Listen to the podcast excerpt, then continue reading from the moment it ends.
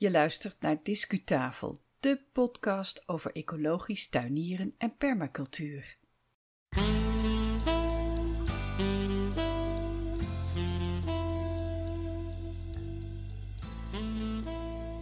Welkom bij de Discutafel podcast. Fijn dat je weer luistert. Mijn naam is Yvonne Smit en vandaag is het 6 december 2018. Dit is podcast aflevering 27. Vandaag hebben we een reportage voor je over een historische kruidentuin. Maar ik kan niet anders dan van start gaan met een terugblik op een, uh, op een eerdere uitzending. Discu Journaal. Twee afleveringen eerder publiceerden wij namelijk een reportage in samenwerking met Veld over hun studiedag permacultuur in Brussel. Misschien herinner je je dat nog. Nou, wij konden onze ogen en oren niet geloven toen we de luistercijfers zagen groeien. En ze bleven groeien. Ze gingen meermalen over de kop. Ik wist echt niet wat me overkwam. En ik ben er nog steeds een beetje beduust van, eerlijk gezegd. België kwam met stip binnen in de luistertop 5 van landen. En dat is niet verwonderlijk, want het ging over een uitzending vanuit Brussel. En nog steeds wordt deze podcast gedownload en ontvangen wij mooie reacties. Dank jullie wel allemaal. En wat is het toch leuk om te merken dat de aanpak aanslaat. Die aflevering van 22 november was dus een absolute hit. En mogelijk ben jij een van de luisteraars die Discutafel toen heeft ontdekt en die intussen is aangehaakt. Nou, van harte welkom. Abonneer je op de podcast en blijf gezellig bij ons.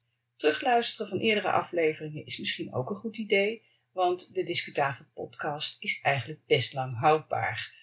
Alleen een rubriek als Discu-nieuws bijvoorbeeld, die bevat wel eens wat uh, actuele ideetjes die bij later beluisteren misschien niet meer zo interessant voor je zijn.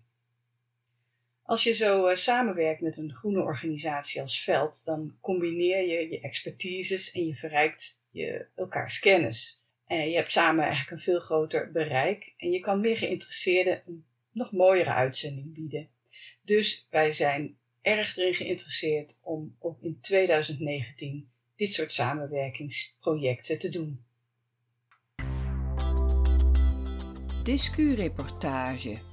Enkele jaren geleden las ik een artikel in het tijdschrift Groei en Bloei. En dat ging over het landgoed Vordestein in België. Of beter gezegd, over de opknapbeurt van die heel grote orangerietuin die ze daar hebben.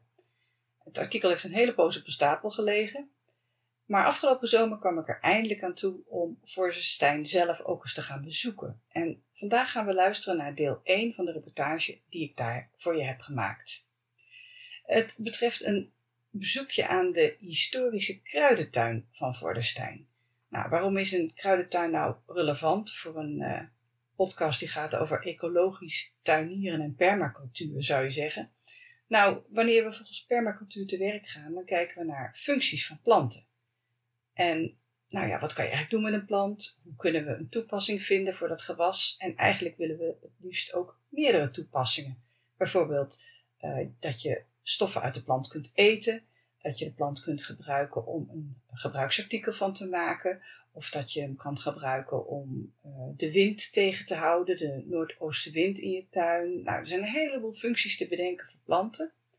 Nou, en in de reportage kan je bijvoorbeeld ook iets horen over vlier. Uh, vroeger werd vlier ook gebruikt als materiaal om vlierenfluitjes van te maken voor kinderen. Zo zijn er allerlei functies van planten te bedenken. Nou, Vordestein die heeft de kruidentuin gemodelleerd naar de kennis en de inrichting van zeg maar medio 16e eeuw. Dat was een uh, bloeiperiode voor de kruidkunde. En op Vordestein laten ze dus ook, uh, eigenlijk, maar, eigenlijk maken ze een soort combinatie tussen de historische kennis over voedsel- en gebruiksplanten met ontwerptechnieken van de kruidentuin.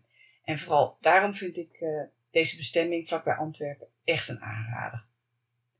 Historische gegevens over de moestuinen en de kruidentuinen van Vordestein zijn zeer onvolledig. Althans, wij konden er niet zoveel over vinden. Um, in 2014 is men toch begonnen met een grootschalige opknapbeurt van, uh, van die tuinen. En dat is reden genoeg om daar een kijkje te gaan nemen. Luister dus naar deel 1 van de reportage, waarin de historische kruidentuin centraal staat Deel 2 gaat over de historische moestuin. Uh, die zenden we later een keertje uit. En ga af en toe eens naar onze website of volg ons op Twitter om te achterhalen wanneer of dat dat is. We beginnen de reportage met onze aankomst op Vordestein op een snikhete augustusdag. Dus als je dit in december hoort, denk dan even terug aan de afgelopen zomer. Uh, het asfalt stoomde zowat onder je voeten, grasvelden lagen erbij als droge steppen en de spreekwoordelijke mussen vielen van het dak. Nou, daar komen er twee ondernemende Nederlanders aan bij het hek van Vordestein na een stoffige tocht door de stad Antwerpen. En dan gebeurt het volgende. Veel plezier met deel 1 van de reportage over Vordestein.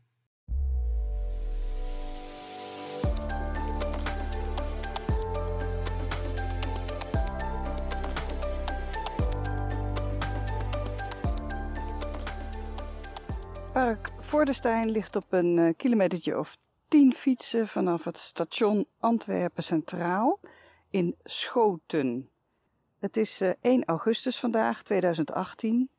En een van die vele zonnige hete dagen die we deze zomer hebben. En dat betekent dat het park zelf in eerste instantie een nogal uitgedroogde indruk maakt.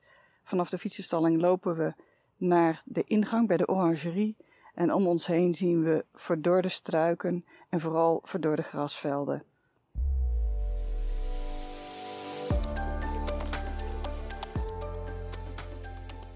Op het terras van de orangerie zit een gezelschap keurig gekleed. Wij denken dat het een bruiloft is en het is ook wel een prachtige plek om hier het feest van je leven te vieren.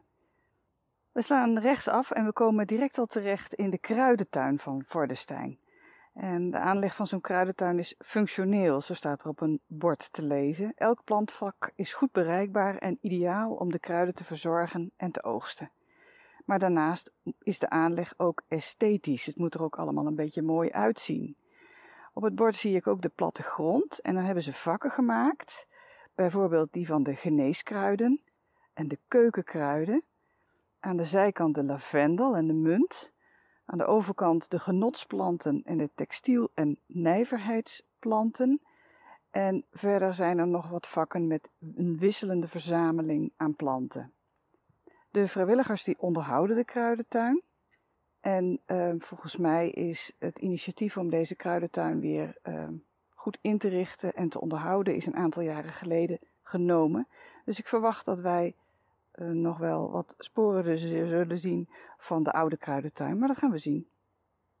Twee paden vormen een kruisvormig patroon en dat wordt doorsneden door twee paden die om het middelpunt zijn gelegd. En die combinatie van functionaliteit en esthetiek was typisch voor tuinen in de bloeiperiode van de kruidkunde in deze gewesten. Dat was de 16e eeuw. Het was de tijd van de grote kruidkundigen. Rembert Dodoens, daar is ook deze tuin naar genoemd, de Dodoenstuin. Charles de Excluse en Matthias de Lobel. De informatie die wordt ontsloten met borden, en ik sta hier bij een bord en dat gaat over de folklore die uh, gepaard gaat met veel planten. Uh, magische en diabolische planten en planten die vroeger het voorwerp waren van kinderspelen. Want voor onze voorouders was de magie van planten deel van hun leefwereld. Sommige planten brachten onheil over mens en dier, andere konden worden gebruikt om dat onheil juist weer af te weren. Eh, er waren planten die geluk brachten, in het leven in het algemeen of in de liefde in het bijzonder natuurlijk. En je had orakelplanten die uh, konden de toekomst voorspellen.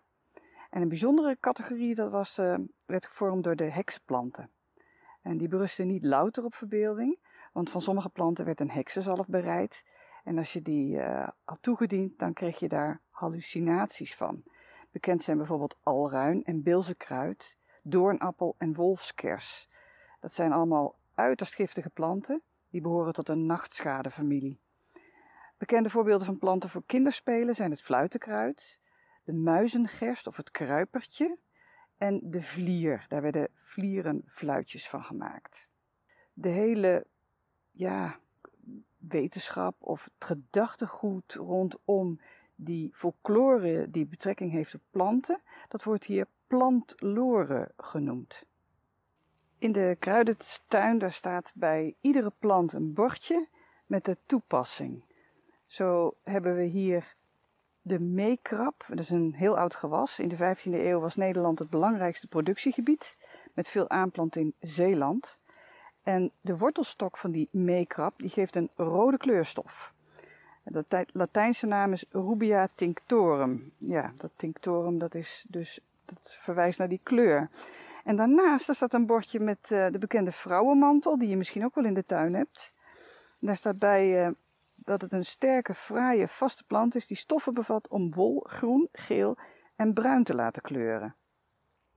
Ik ben onder de indruk van de vele toepassingsmogelijkheden van planten die hier in de kruidentuin staan, zoals dat vaak al bekend was in de 16e eeuw. Op de bordjes bij de planten wordt vaak een citaat uh, neergezet van een kruidenboek uh, uit die tijd.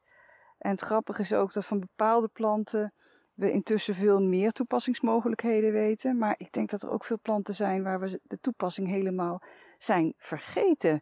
Ik, ik sta hier bij koriander, dat ken je natuurlijk uh, uit de keuken. Maar de zaden die worden, worden, kennelijk ook gebruikt voor het maken van een bepaalde liqueur, het karmelietenwater. En daarnaast zie ik uh, een, een klein heestertje. En die plant die wordt kennelijk verwerkt in uh, chartreuse, vermoed en diverse tonicums. En daarnaast staat uh, salie, Salvia officinalis. Natuurlijk bekend uit de keuken. Bijvoorbeeld bij uh, kalfsvlees erg lekker. Maar wordt ook gebruikt uh, voor het kruiden van wijn en voor het maken van een speciaal bier. Even verderop de tabaksplant. Maar kennelijk uh, wist Dodoens in zijn kruidenboek nog niet dat je tabak ook kon roken. Boerentabak werd in het midden van de 16e eeuw als een soort bilzenkruid beschouwd. En hoewel de Indianen het al vanaf de ontdekking van Amerika uh, bekend maakten, eigenlijk in Europa, uh, duurde het tot in de 17e eeuw voor hier ook echt tabak werd gekweekt en het roken in zwang raakte. Ik weet dat in de omgeving van, van Den Bosch stond volgens mij veel tabak. Naast de kruidentuin ligt de Dahlia-tuin en die is nu op zijn mooist begin augustus. En daarnaast ligt nog een wat verwaarloosd gedeelte, wat langzaam maar zeker uh, zal worden opgeknapt. Ik zie wat uh, eetbare gewassen, zoals uh, snijbiet, staan. Dus wellicht dat ze hier langzaam maar zeker een groentetuin van willen maken. Maar ik ken de plannen persoonlijk niet.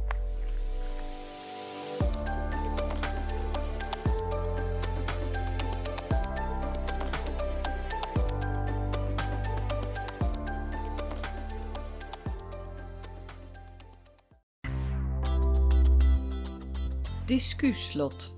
Tot zover deel 1 van onze reportage over Vordestein in Schoten bij Antwerpen. Nadat we de kruidentuin hadden verkend, struinden we ook nog naar de andere kant van de grote orangerietuin en daar ligt de historische moestuin. Deze moestuin die staat centraal in deel 2 van mijn reportage en die publiceren we over een poosje.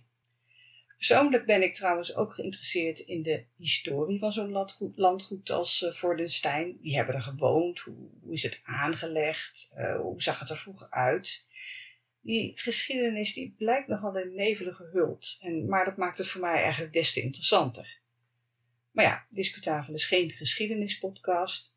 En toch, als jij het ook leuk zou vinden om iets meer te weten over Vordenstein, over de mensen voor wie de kruidentuin destijds bedoeld was Klik dan op de link in de shownote van deze aflevering.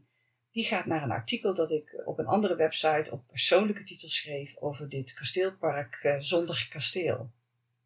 Hopelijk heb je met plezier geluisterd naar deze podcast. En heb je een opmerking erover, of je hebt een vraag of een suggestie voor een onderwerp misschien voor Discutabel Podcast, laat maar horen. Via Twitter, Facebook, e-mail het is ook fijn als je de moeite neemt Discutabel een waardering te geven via je podcast-app. Dank je wel alvast. Discutabel is een initiatief van Yvonne Smit. De volgende Nederlandse podcast kan je beluisteren vanaf 20 december 2018. Ga intussen lekker naar buiten. Graag tot de volgende keer.